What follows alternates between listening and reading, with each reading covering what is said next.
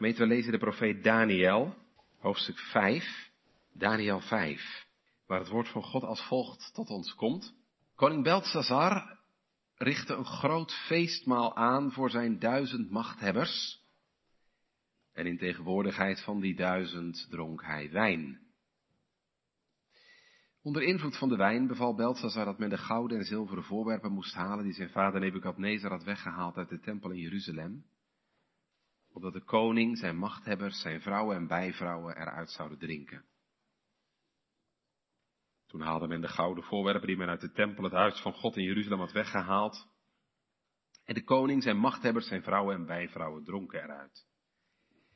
Zij dronken wijn en prezen hun goden van goud, zilver, koper, ijzer, hout en steen hetzelfde ogenblik kwamen er vingers van een mensenhand tevoorschijn, die op het pleisterwerk van de wand van het koninklijke paleis schreven, tegenover de kandelaar. En de koning zag het gedeelte van de hand die schreef. Toen veranderde de gelaatskleur van de koning. Zijn gedachten verschrikten hem, zijn heupgewrichten verslapten en zijn knieën knikten. En de koning riep met kracht dat men de bezwerers, de Galdeeën en de toekomstvoorspellers moest laten binnentreden.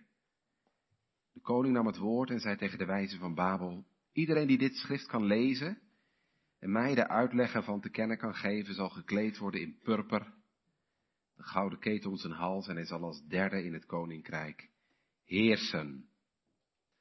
Toen traden al de wijzen van de koning binnen, maar ze waren niet in staat het schrift te lezen of de uitleggen van aan de koning te laten weten. Toen werd koning Belshazzar zeer verschrikt en zijn gelaatskleur veranderde. Ook zijn machthebbers raakten in verwarring. Naar aanleiding van de woorden van de koning en zijn machthebbers trad de koningin het huis binnen, waar de maaltijd plaatsvond. De koningin antwoordde en zei, O koning, leef in eeuwigheid, laat uw gedachten niet verschrikken en laat uw gelaatskleur niet veranderen. Er is een man in uw koninkrijk in wie de geest van de heilige God is, want in de dagen van uw vader is bij hem licht, verstand en wijsheid gevonden, zoals de wijsheid van goden. Daarom stelde koning Nebukadnezar uw vader hem aan als hoofd van de magiërs, bezweerders, galdeeën en toekomstvoorspellers. Uw eigen vader, ook koning. Want er werd een uitzonderlijke geest, kennis en verstand om dromen uit te leggen, onthulling van raadsels en ontwarring van knoop in hem gevonden, namelijk in Daniel, die de koning de naam Beltzazar gegeven had. Laat nu Daniel geroepen worden, zodat hij de uitleg ervan te kennen zal geven. Toen werd Daniel bij de koning geroepen. De koning nam het woord en zei tegen Daniel, bent u die Daniel, een van de ballingen uit Juda die de koning, mijn vader uit Juda, hierheen heeft gebracht? Ik heb namelijk over u gehoord dat de geest van Gode in u is, en dat in u licht, verstand en uitzonderlijke wijsheid gevonden worden. Wel nu, de wijzen en bezweerders zijn bij mij gebracht om dit schrift te lezen en mij de uitleg ervan te laten weten. Maar ze zijn niet in staat de uitleg van deze woorden te kennen te geven. Ik heb echter gehoord dat u uitlegging kunt geven en knopen kunt ontwarren. Nu, als u het schrift kunt lezen en mij de uitleg ervan laat weten, zult u gekleed worden in purper, gouden ketel om uw hals krijgen en u zult als derde heersen in het koninkrijk. Toen antwoordde Daniel en zei in tegenwoordigheid van de koning, hou uw geschenken voor uzelf en geef uw beloning aan een ander. Toch zal ik nu het schrift voor de koning lezen en de uitleg ervan zal ik hem laten weten. Wat u, o koning, betreft, de Allerhoogste God, heeft uw vader Nebukadnezar het koningschap, grootheid, eer en majesteit gegeven. Vanwege de grootheid die hij hem had gegeven, beefden en sidderden alle volken, naties en talen voor hem. Hij doodde wie hij wilde en liet leven wie hij wilde. Hij verhoogde wie hij wilde en hij vernederde wie hij wilde. Maar toen zijn hart zich verhief en zijn geest zich verhardde in hoogmoed, ja, dat is dat moment, wordt teruggewezen naar het vorige hoofdstuk Daniel 4, hè, waar Nebukadnezar zegt, is dit niet het grote Babel dat ik gebouwd heb? Toen hij zich verhief en zijn geest zich verhardde in hoogmoed, werd hij van zijn koninklijke troon gestoten en heeft men hem zijn eer ontnomen. Hij werd uit de mensenwereld verstoten. Zijn hart werd gelijk aan dat van de dieren. Zijn verblijf was bij de wilde ezels. Men gaf hem gras te eten zoals een runderen. Zijn lichaam werd bevochten door de dauw van de hemel. Totdat hij erkende dat God de Allerhoogste heerser is over het koningschap van de mensen. En daarover aanstelt wie hij wil. Wat u, Belshazzar, zijn zoon betreft, u hebt uw hart niet vernederd, hoewel u dit alles wist. U hebt zich verheven tegen de Heere van de hemel, want de voorwerpen van zijn huis heeft men bij u gebracht. En u, uw machthebbers, uw vrouwen en bijvrouwen hebben wijn eruit gedronken. En u hebt uw goden van zilver en goud, koper, ijzer, hout en steen geprezen, die niet kunnen zien en niet kunnen horen en geen kennis hebben. U hebt echter de God en wiens hand uw adem is en door wie al uw paden toebehoren, niet verheerlijkt. Niet de eer gegeven. Daarom is door hem het gedeelte van de hand gezonden en dit schrift geschreven. Dit is het schrift dat werd geschreven, mene, mene, tekel uversin. Is de uitleg van deze woorden, mene, God heeft de dagen van uw koningschap geteld en een eind eraan gemaakt. Tekel, u bent gewogen in de weegschaal en te licht bevonden. Peres, uw koninkrijk is verdeeld en aan de mede en persen gegeven. Toen beval Belshazzar dat ze Daniel in purper moesten kleden, een gouden keten om zijn hals en dat ze van hem moesten uitroepen dat hij als derde in het koninkrijk zou heersen. In diezelfde nacht werd Belshazzar, de koning van de Galdeeën, gedood. Gemeente, we staan stil bij deze geschiedenis aan de hand van een viertal gedachten. We letten in de eerste plaats op het feest van Belshazzar. In de tweede plaats op de spot van Belshazzar. In de derde plaats de boodschap voor Belshazzar. En tenslotte het einde van Belshazzar. Het feest van Belshazzar. De spot van Belshazzar. De boodschap voor Belshazzar. Het einde van Belshazzar. Dansen op een vulkaan. Zou jij het durven? Dansen op een vulkaan die op uitbarsten staat. Je zou zeggen, wie doet dat nou? Nou gemeente, toch gebeurt het. Een aantal jaar geleden verscheen er een uh, bijzonder boek.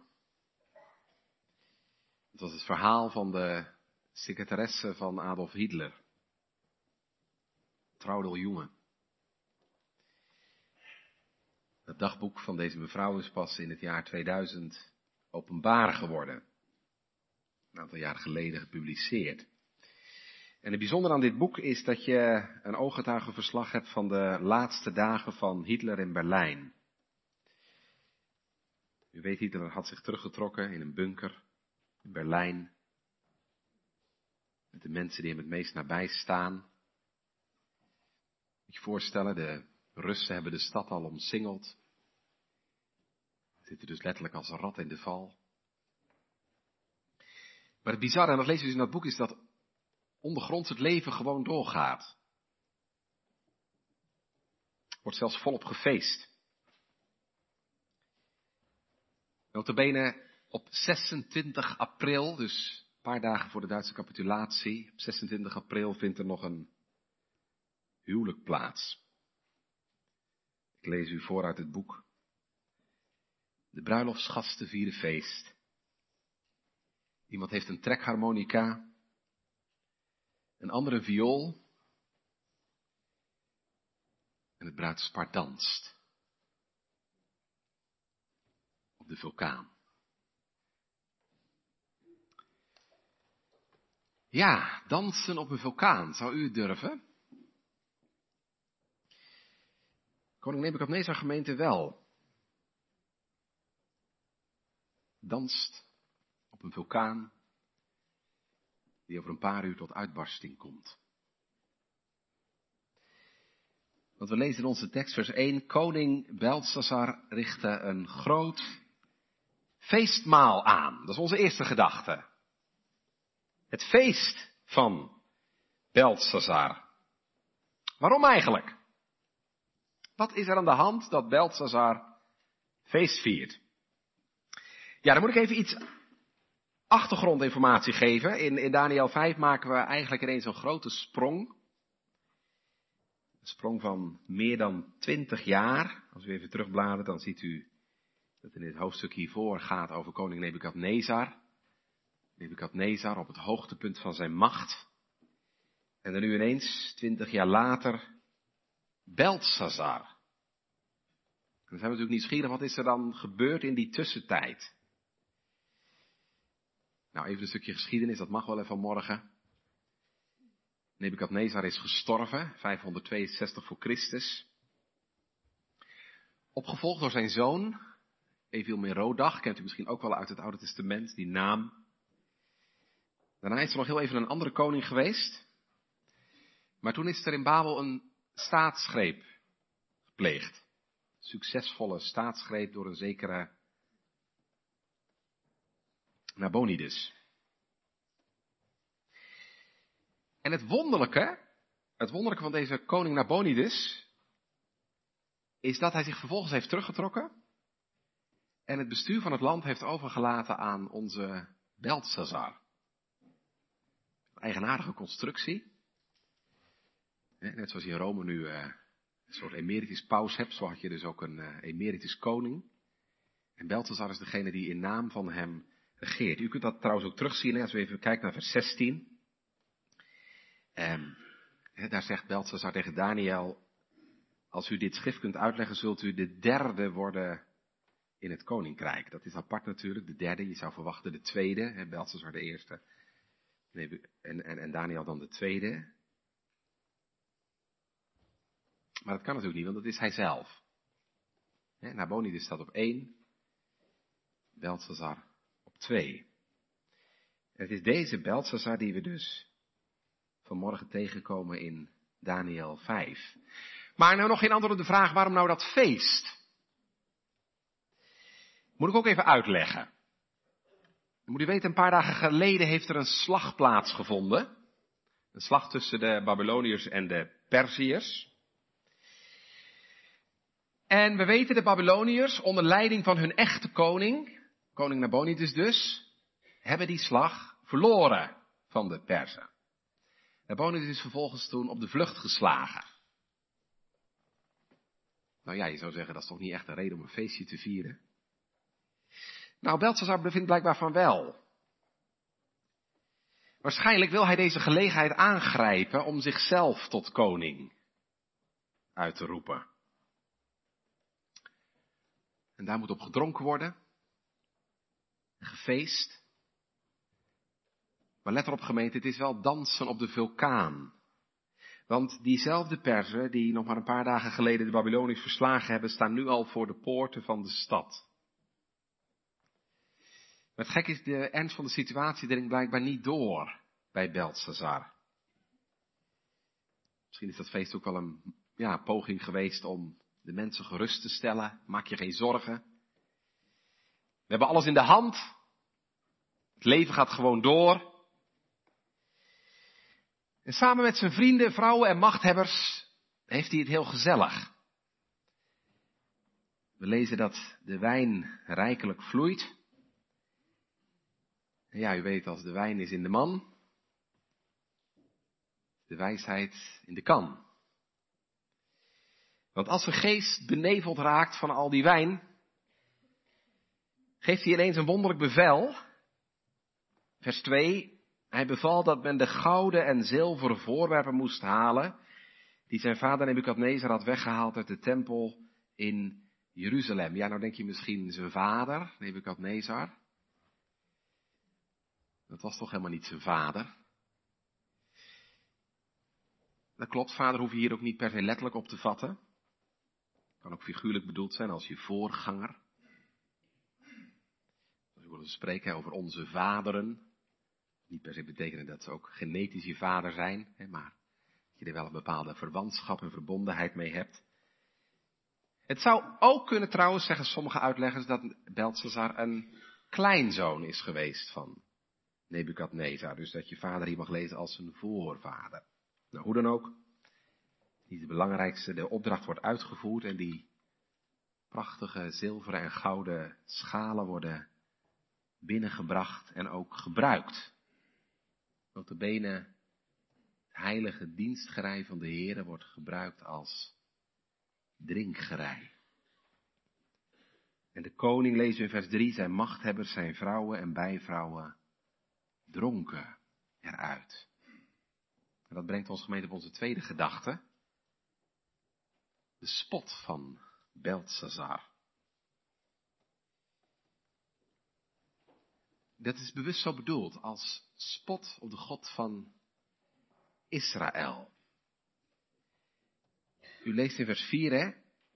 Zij dronken wijn uit die vaten van de Here en prezen hun goden van goud, zilver, koper, ijzer, hout en steen. Kun je afvragen, waarom deed hij dat nou? Waarom liet hij speciaal dat drinkgerei uit de tempel van de Here halen om zijn feestje op te luisteren? Hij doet dat waarschijnlijk gemeend om zijn imago, het imago van de Babyloniërs, op te poetsen. He, door die spullen te halen, wil hij laten zien, zie je wel hoe sterk wij zijn. Wij hebben andere landen overwonnen. En daarmee hebben onze goden laten zien in het verleden dat zij sterker zijn dan de goden van die andere volken. En dan zijn ze vast ook sterker dan de goden van die persen die nu bij ons voor de deur staan. En dat is denk ik de impliciete boodschap van Beltzazar. Even laten zien, wees maar niet bang, onze goden zijn sterk, ze hebben in het verleden grote overwinningen behaald, onder andere op Israël. Er is een heel bewuste imagoactie. Maar gemeente, ondertussen spot hij met de Heere, de God van Israël. Dan is het wonderlijke, God laat dat ook nog eens gebeuren. Komt geen eh, bliksem uit de hemel of zo? Komt geen bliksem uit de hemel die de bende feestvirus uit elkaar jaagt? Nee. Blijkbaar laat God dit gebeuren. Laat God het gebeuren dat hij te schande wordt gemaakt. Hier hebben we denk ik gemeente een hele belangrijke les te pakken. Die moet u niet vergeten. Want dat zal denk ik alleen maar meer worden ook in onze samenleving. Die les is in de eerste plaats, God wordt bespot in deze wereld. En de tweede les die we hier leren, God laat het nog toe ook. God wordt bespot in deze wereld en hij laat het nog toe ook. Als je christen bent, als je in God gelooft, hou er dan rekening mee dat God bespot wordt in deze wereld. schrijvers, filmmakers, mensen in de media doen het bij het leven. Er is in onze cultuur een onbegrensde ruimte om God belachelijk te maken. En u weet, een aantal jaren geleden heeft onze regering het verbod op smalende godslastering uit de wet gehaald, ingetrokken. dus als je God wil belachelijk maken, heb je in Nederland vrij spel. Allah durven ze niet, want dan staat natuurlijk je leven op het spel. Wie wilde de mes tussen zijn ribben hebben of zijn keel doorgesneden krijgen, maar de God van de christenen, de God van Israël kun je gewoon belachelijk maken. Madonna, die zich aan een kruis laat nagelen in de Amsterdam Arena. Of Joep van het Hek. Dan gaat u maar door. Maar gemeente, ik zou vanmorgen willen zeggen, laten we nou niet alleen maar daarna kijken, naar wat de wereld doet met God. In prediking is het wel belangrijk dat we ook dicht bij onszelf blijven. Hè?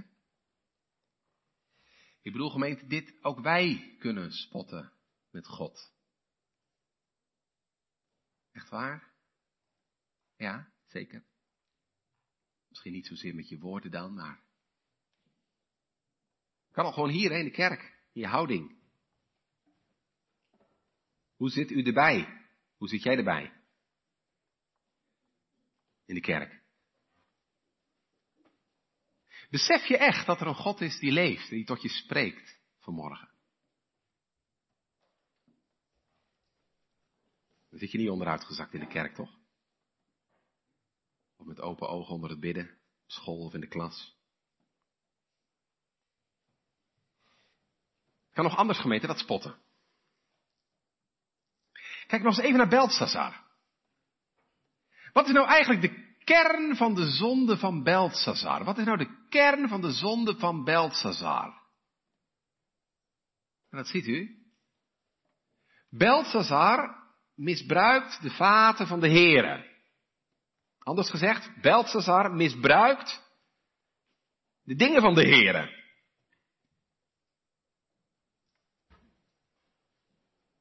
De zonde van Belsazar is dat hij de dingen van de heren misbruikt. En waarom zou dat gevaar er niet bestaan voor jou en mij? Ik denk dat dat gevaar heel reëel is, gemeente. Dat we de dingen van de Heere misbruiken. Leven miljoenen mensen om ons heen die de dingen van God misbruiken. Ze krijgen dingen van God. Kleren, eten, gezondheid, werk, huis, een baan, liefde, relaties. Ja? En het komt niet eens in ze op om dankjewel te zeggen.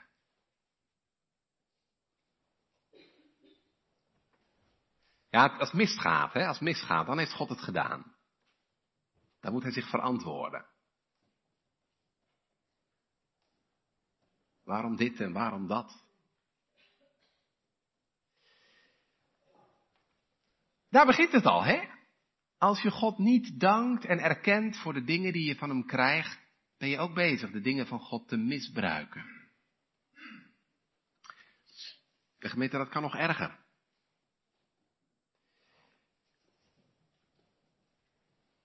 Dat je dingen van God misbruikt die tot jouw zaligheid kunnen leiden.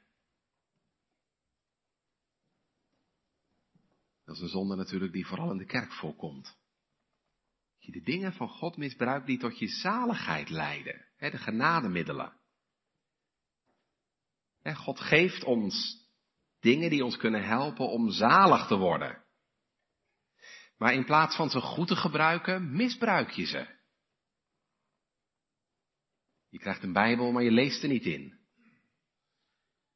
Je krijgt de mogelijkheid om twee keer op een zondag naar Gods huis te komen, maar je verwaarloost je kerkgang. We krijgen de mogelijkheid om te bidden, maar we hebben het zo druk en we verwaarlozen het gebed. Is dat ook niet gemeente misbruik van de dingen van God? Zo zijn er heel veel manieren, denk ik, gemeente, waarop we in dezelfde fout vallen als Belsazar. dat we de dingen van God misbruiken. de gaven die Hij ons geeft. De genademiddelen die Hij geeft. En als je nou vraagt, hoe komt dat nou? Wat zit er nou achter dat mensen de dingen van God misbruiken? Wat zit er nou achter die zonde van Belteshazzar vanmorgen? En ook de zonde van ons natuurlijk. Nou is maar één antwoord gemeente. Spotten met God en misbruik van de dingen van God. Dat heeft altijd maar één reden. En dat is dat je dat God niet belangrijk genoeg voor je is. Kijk naar Belshazzar. God is zo onbelangrijk voor mensen dat ze hem bespotten. God is zo onbelangrijk voor mensen dat ze niet eens de moeite nemen hem te danken voor de dingen die ze krijgen. God is zo onbelangrijk voor je dat je de genademiddelen die hij geeft misbruikt, negeert, verwaarloost. Hoe komt dat? Belshazzar vindt God klein en zichzelf groot. En dat is nou precies gemeente hoe heel veel mensen denken. God is klein. Leuk onderwerp voor een nieuwjaarsconferentie of zo. Of om jouw concert op te leuken, zoals Madonna. God is klein. En wij zijn big, groot. We vinden onszelf heel gewichtig. Maar God is niet belangrijk. En nou gemeente zijn we denk ik bij wat de Bijbel noemt de kern, de essentie van de zonde. Wist u dat? Eigenlijk is dit de kern van de zonde. dat wij God de meest belangrijke, de meest gewichtige persoon van het universum behandelen alsof hij niks voorstelt. Alsof hij niet meer is dan een veertje. God is totaal onbelangrijk. Weet je wat je doet als jij er bewust voor kiest om iets te doen waarvan je in je geweten wel weet dat het niet goed is? Of dat nou een leugentje is of wat sjoemelen met je belastingaangifte. Of naar bed gaan met iemand terwijl je nog niet getrouwd bent. Weet je wat je dan eigenlijk zegt? Eh, God, u bent er even niet. U, u bent er even niet. U bent even totaal niet belangrijk voor mij. Ik, ik kies nu even mijn eigen spoor. Als u het goed vindt. En ook als u het niet goed vindt. Dat. U bent niet belangrijk voor mij.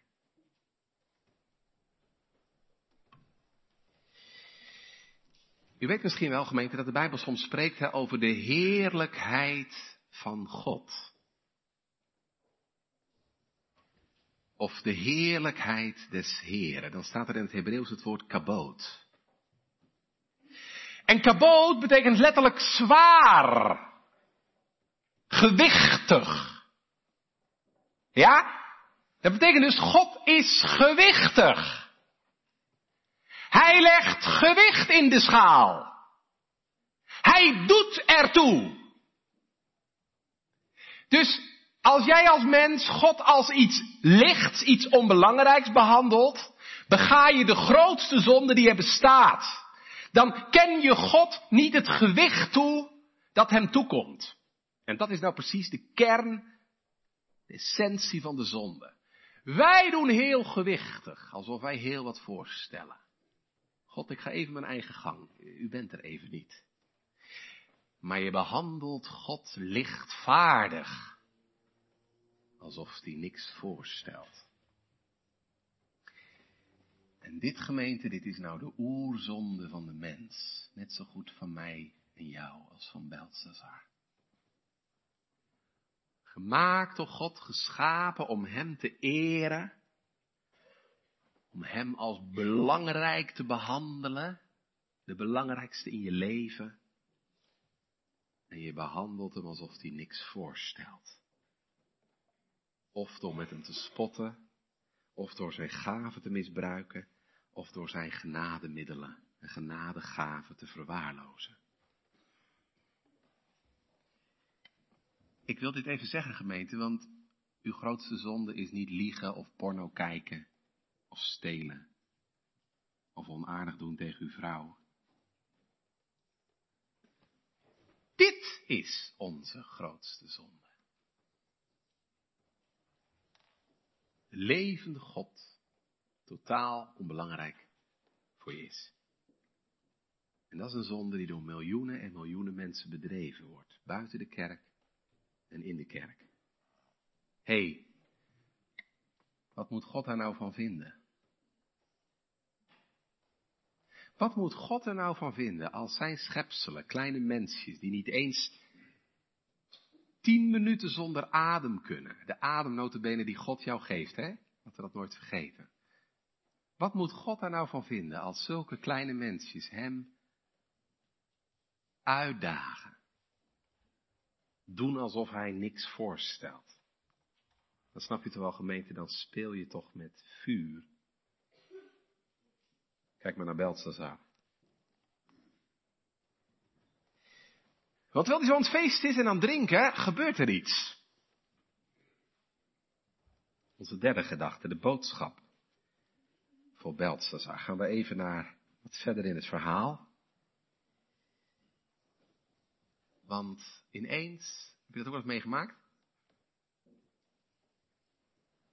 Ergens zit op een receptie en, en iemand valt flauw of zo, hè?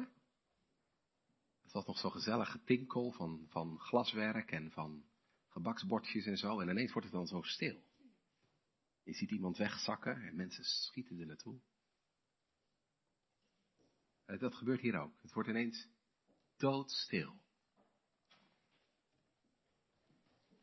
Gesprekken verstommen. Je ziet gezichten bleek worden. Mensen elkaar aanstoten, wijzen. En de muur. Ongelooflijk gemeente, op die muur zit een hand. Nou, je zou toch panisch worden? Als je zoiets ziet. De muur zit een hand. Een hand die rustig schrijft. Letters worden woorden, alsof ze in de muur gebeiteld staan. Je kunt het gewoon lezen. Het is gewoon Aramees. Het is gewoon, het is geen geheimtaal. De uitleg is lastig. Dat zullen we zo meteen zien, maar het is geen geheimtaal of zo. Het is gewoon te lezen. De mensen lezen mee. Meneer, meneer, tekel, ufarsin. Maar wat betekent dat? Dat is natuurlijk een boodschap. De koning die net al zoveel praatjes had, zijn knieën knikken. En misschien nog wel meer. Roept zijn wijze bij zich. Vertel me toch wat dit betekent.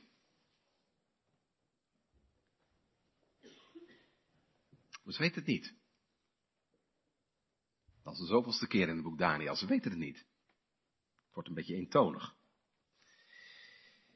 Maar dan is er die vrouw die uitkomst biedt. Koningin. Ehm, vers 10. De koningin trad het huis binnen waar de maaltijd plaatsvond. Koningin, dan moet je niet denken aan de vrouw van Belshazzar. Maar het gaat hier waarschijnlijk over de koningin moeder. Een oudere vrouw. En misschien de vrouw van Nabonides. Of misschien zelfs nog wel de vrouw van koning Nebukadnezar. Koningin weduwe. Een vrouw op leeftijd, een oudere vrouw. En zij herinnert zich onmiddellijk die Joodse man, Daniel. En u ziet gemeente, daar geeft ze een goed getuigenis van, vers 11. Dit is een man in uw koninkrijk, in wie de geest van de heilige gode is. Want in de dagen van uw vader is bij hem licht, verstand en wijsheid gevonden, zoals de wijsheid van goden. Daarom stelde koning Nebukadnezar uw vader hem aan als hoofd van de magiërs, bezwerers, Galdeeën en de toekomstvoorspellers, uw eigen vader, o koning. Want er werd een uitzonderlijke geest, kennis en verstand om dromen uit te leggen, onthulling van raadsels en ontwarring van knopen in hem gevonden, namelijk in Daniel, die de koning, hoe ironisch, de naam Belshazzar had gegeven. Nou ja, zo gezegd, zo gedaan, Daniel komt. Ook Daniel is inmiddels een oude man, een man op leeftijd. Je voorstellen dat hij inmiddels al zo'n 60 jaar in Babel verblijft. Nou, hoe oud was hij toen hij daar aankwam? Een jonge man, 14, 15, 16 misschien. Telde daar 60 jaar bij op, dus hij is al ergens rond de 75 in elk geval. En als je dit zo leest, lijkt het er ook een beetje op dat hij in vergetelheid is geraakt. onder Nebukadnezar had hij natuurlijk een hele grote reputatie. Straks ook weer onder koning Darius, hè, heeft hij ook weer een grote reputatie. Maar het lijkt erop dat, ja, bij deze Belshazzar uh, Daniel min of meer in vergetelheid is geraakt. En toch heeft Belshazzar Daniel nodig. Dat is ook wel een beetje ironie, hè? Proef je dat? Dat is wel een beetje ironisch dat je voor de oplossing nou afhankelijk bent van een dienaar van die God die jij net hebt bespot. Ook wel een beetje pijnlijk. Dat al jouw wijzen het niet weten. En dat dan verachte Jood de oplossing moet geven. Hé, doet u dat ergens aan denken trouwens? Doet u dat ergens aan denken dat een verachte Jood voor de oplossing moet zorgen? En dat de enige die je helpen kan, nou uitgerekend de dienaar, de knecht van God is die wij bespot hebben. Ja, precies gemeente, ook hierin is Daniel een type van Jezus. Want de enige die voor de oplossing kan zorgen, is Jezus, de dienaar van God, die wij bespot hebben.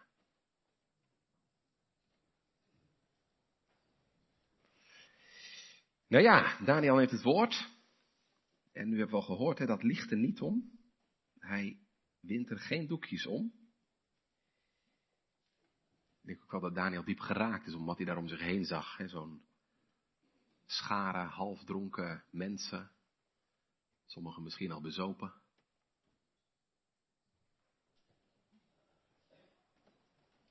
Die de schatten van zijn God misbruiken. Het vaatwerk ligt misschien zomaar op de vloer. En de naam van zijn God onteren. Je proeft dat iets van een heilige verontwaardiging zich van een meester maakt. Hou uw geschenken maar. Geef je beloningen maar aan een ander. Ik hoef ze niet. Ik wil er niks mee te maken hebben. En in plaats van uitleg te geven, klaagt hij eerst aan. Voordat hij uitlegger is, is hij eerst aanklager. Hij geeft de reden aan waarom dit gebeurd is. En dan zie je gemeente, um, in vers 18 en verder, dat hij een soort vergelijking maakt tussen Belshazzar en Nebukadnezar. Hij zegt, uw vader was ook groot, was ook hoogmoedig. Kent dat verhaal wel, hè? Is dit niet het grote Babel dat ik gebouwd heb? Maar hij heeft een lesje geleerd. En toen God hem vernederde, gras moest eten als een dier, toen kwam Nebukadnezar op zijn plek. En hij heeft erkend dat er een God is die leeft. Vers 21. Totdat hij erkende dat God de Allerhoogste heerser is over het koningschap van de mensen. En daarover aanstelt wie hij wil. En u wist dat, Belshazzar. Maar je hebt er niet van geleerd. Integendeel, heel bewust, willens en wetens, heb je God uitgedaagd. En in plaats van te buigen voor die God waar je vader voor boog, en te vernederen, heb je je groot gemaakt. En heb je God vanavond uitgedaagd door je spot. En in plaats van God als belangrijk te erkennen en te behandelen, heb je gedaan alsof jij zo belangrijk bent. En in plaats van God gewicht toe te kennen en hem te eren, heb je hem behandeld alsof hij niets is. Daarom, Belshazzar, is door hem het gedeelte van de hand gezonden en dit schrift geschreven. Dat schriftgemeente dat is niets anders dan het doodvonnis voor Belshazzar. Het vonnis van de Heere over Belshazzar. Mene, mene, tekel, uversin. Nee betekent geteld. We kennen die, die uitdrukking ook wel, hè? Zijn dagen zijn geteld, zeggen we dan. Dat betekent, hij heeft de langste tijd gehad. Als iemand uh, oud is geworden of ongeneeslijk ziek, zijn dagen zijn geteld. Komt een eind aan. Zo zijn ook Belshazzars dagen geteld. Er komt een eind aan. Tekel betekent gewogen. U bent gewogen in de weegschaal. En hoe was de uitslag? Te licht. Te licht. Bevonden. En ufarsin komt van het woordje peres. En peres heeft te maken met delen en verdelen. Uw koninkrijk is verdeeld. En aan de Mede en de Perzen gegeven. Waarschijnlijk is het ook nog een woordspeling. Hoor je het? Peres, Persen. Peres, Persen. Koninkrijk is verdeeld, gaat naar de Persen toe. En dat bepaalt ons gemeente tenslotte bij het einde van Belshazzar, onze laatste gedachte. Die laatste woorden in vers 30. Een grijpende woorden in diezelfde nacht werd Belshazzar, de koning van de Galdeën, gedood. En wij weten hoe dat is gegaan. Ik zei net al, de persen lagen voor de stad. Maar waarom vinden die Babyloniërs nou feest, zou je zeggen? Als het gevaar zo dichtbij is. Nou wel, gemeente. Die Babyloniërs waanden zich letterlijk onoverwinnelijk. Is u wel eens verteld, zal vast wel eens zijn, over die metersdikke muren van de stad Babel? Metersdikke muren waar je met verschillende wagens overheen kon rijden, gewoon langs elkaar. Zo dik en breed waren die muren. Ze komen er gewoon nooit in. En daarom vieren we feest en gaan we gewoon vrolijk door. Maar gemeente, het was dansen op de vulkaan. Want wat niemand had gedacht gebeurde toch. De Perzen kwamen de stad binnen. En dat was echt een spectaculaire stunt. Want Babel, het oude Babel, had één zwakke plek. Wat was dat? Dat was de rivier. De rivier de Uifraat. Die onder een muur door de stad binnenstroomde. Wat deden de Perzen die nacht? Ze maakten vlak voor de stad een dam in de rivier, de Uifraat. Met als gevolg dat het waterpeil zakte. En toen was het mogelijk om zomaar via de rivierbedding de stad binnen te trekken. En nog diezelfde nacht vond een Persisch zwaard het hart van de koning. Het was het vonnis van God over Belshazzar. Het vonnis van God voor mensen die hem behandelen alsof hij niks is. Het vonnis van God voor mensen die zich belangrijker vinden dan God. Die met hem spotten. En de dingen van God misbruiken. Zie je nou gemeente hoe erg het is, hoe ernstig het is om te spotten met God? Ik zei straks, God laat het toe dat hij bespot wordt in de wereld. Maar u ziet net zo goed, dat is niet eindeloos. Dat is niet eindeloos. Want er komt een moment, dan gaat God wegen. God weegt Belshazzar in zijn weegschaal. De man die zo zwaarwichtig deed. Zichzelf zo belangrijk vond. En lieve gemeente, onthoud het. Dat doet God nog. Dit gaat net zo goed voor jou en mij. Er komt een moment, dan gaat God wegen. En dan? Dan gaat in vervulling wat de Heere zegt in 1 Samuel 2. Wie mij verachten, worden zelf veracht. Of liever nog, zoals de oude Statenvertaling zegt, die mij versmaden, worden licht geacht. Hoor je het? Licht geacht. Al die mensen die zichzelf zo belangrijk vonden, blijken ineens zo licht als een veertje, worden licht geacht. God zegt, ze stellen niks voor. Gewogen en te licht vonden.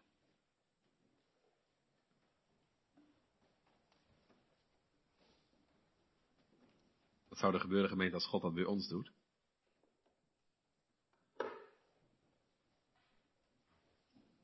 Hoe slaat de balans uit, denk je, als God jouw leven weegt?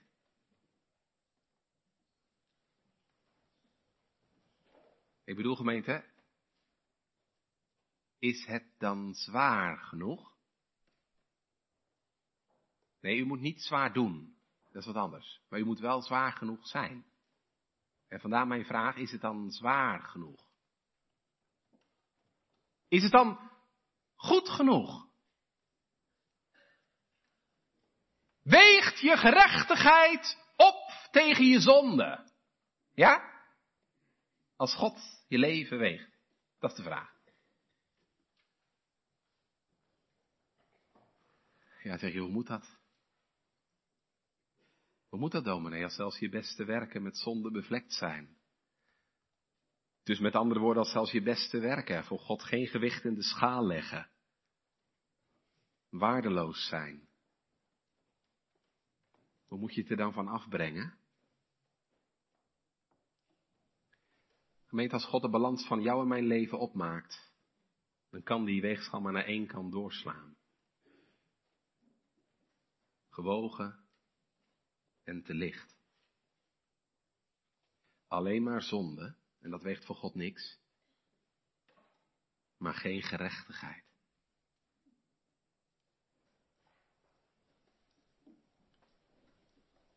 Gelooft u dat?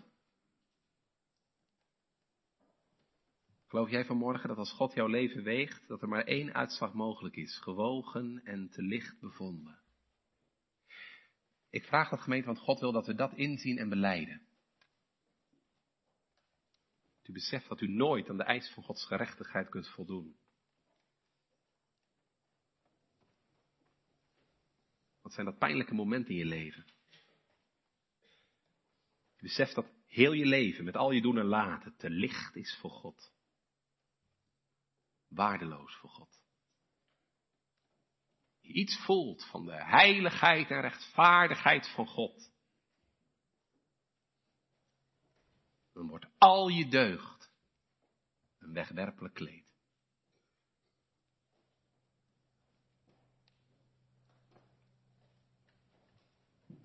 Moeten we zo eindigen vanmorgen?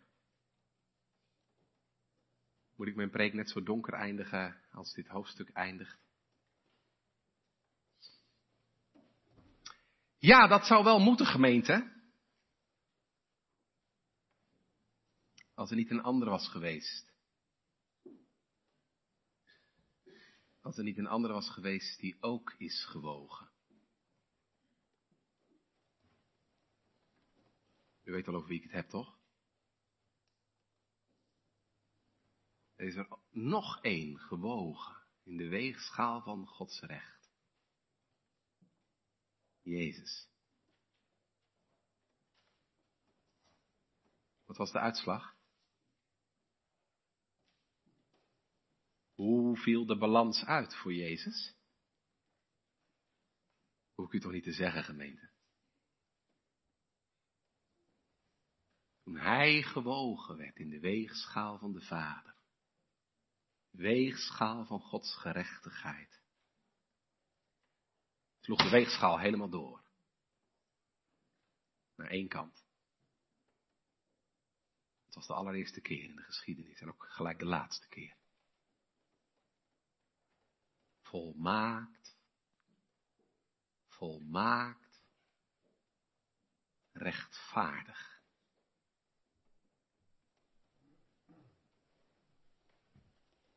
En nou het wonder van het evangelie. God legt dat gewicht van Jezus in de weegschaal van mensen die zelf te licht zijn. Kijk, en dat legt gewicht in de schaal. God legt het gewicht van Jezus in de weegschaal van mensen die zelf te licht zijn. En daarom hoef ik vanmorgen niet te eindigen met Beltsazar, koning Beltsazar, maar mag ik eindigen met koning Jezus. Waar u en ik te licht bevonden worden voor God, was hij zwaar genoeg. Waar wij God alleen maar tekort doen, hij niets anders gedaan dan de Vader eren. Waar wij God licht hebben geacht, was heel zijn leven één dienen van de Vader. Waar wij al Gods geboden hebben overtreden, heeft Hij ze gehouden. Want God was alles voor hem, had het hoogste gewicht importantie in zijn leven. En daarom toen de vader aan het eind van zijn leven hem boog, was hij goed genoeg. Vol maakt. En nu mag ik vanmorgen hem verkondigen. Hier in de Vredeskerk. Zijn er vanmorgen mensen die eerlijk beleiden? God, het is bij mij te kort. Het is bij mij eeuwig te kort. Zijn er hier vanmorgen mensen, jongeren, die eerlijk beleiden, oh God, als ik ga tellen en wegen, kom ik op nul uit. Zijn er hier vanmorgen mensen, jonge mensen, die erkennen, als de Heer mij zou geven wat ik verdien, ik maar één ding verdiend. Dat hij mij voor eeuwig verwerpt en voor eeuwig buitensluit.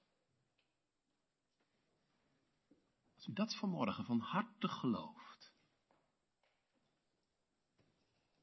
wel dan heb ik iets voor je.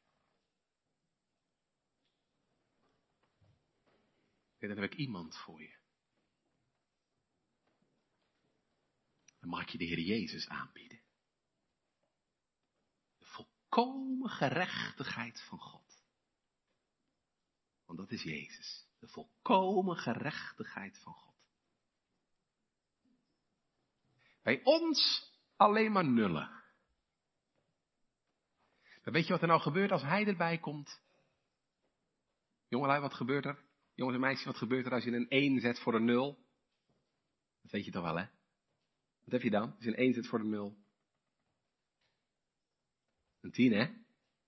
Ja, dat is nou het wonder van het evangelie. Als hij komt, die ene in je leven, en hij gaat voor je staan, dan wordt de 0 een 10. Zo biedt hij zich vanmorgen aan. Die ene dat je hem zult aannemen. Als je enige gerechtigheid. Als de enige die gewicht legt in de schaal.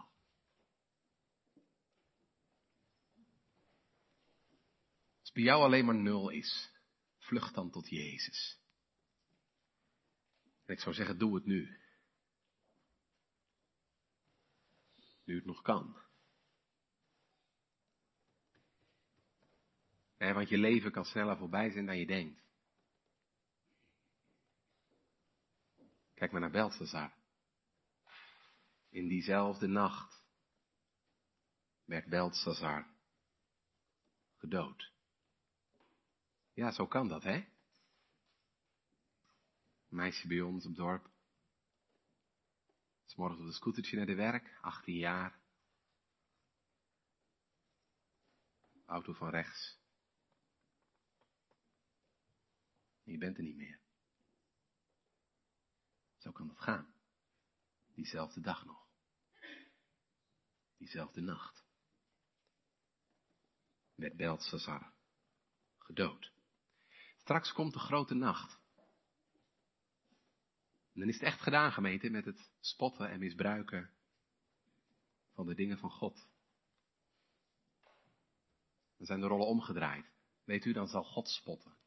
Echt waar? Ja, dan zal God spotten. Dan zal God spotten over alle mensen die hem bespotten. Omdat ze hem de moeite niet waard vonden om over na te denken. Wat de Heer zegt in Spreuken 1? Ik zal u voorlezen. Omdat ik riep, maar u weigerde. Mijn hand uitstrekte, maar niemand er acht op sloeg. Omdat u al mijn raad verwierp mijn bestraffing niet heb gewild, zal ik ook lachen om uw ondergang, u bespotten wanneer uw angst komt. Die in de hemel woont, zal lachen. Dan zult u tot mij roepen, maar ik zal u niet antwoorden. Ze zullen me ernstig zoeken maar zullen mij niet vinden. Dan is het te laat. Maar vandaag is het niet te laat. Jezus leeft. En legt gewicht in de schaal. Voor iedereen die erkent dat hij te licht is. En heb je hem gevonden, laat hem dan nooit meer los. Want echt alleen hij legt gewicht in de schaal.